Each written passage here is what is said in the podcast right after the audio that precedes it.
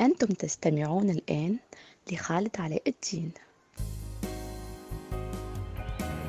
أنا قلت اللي محدش قاله وعملت اللي محدش عمله. يفارقني؟ أنا راضي وماله. بكرة هيعرف غلطة عمره. هيعيش يفتكرني. هيعيش يفتكرني وكل ما يقابل في بعدي هيفتكرني. يتمنى بس إنه يقابلني. هيعيش يفتكرني وكل ما يقابل في بعدي هيفتكرني.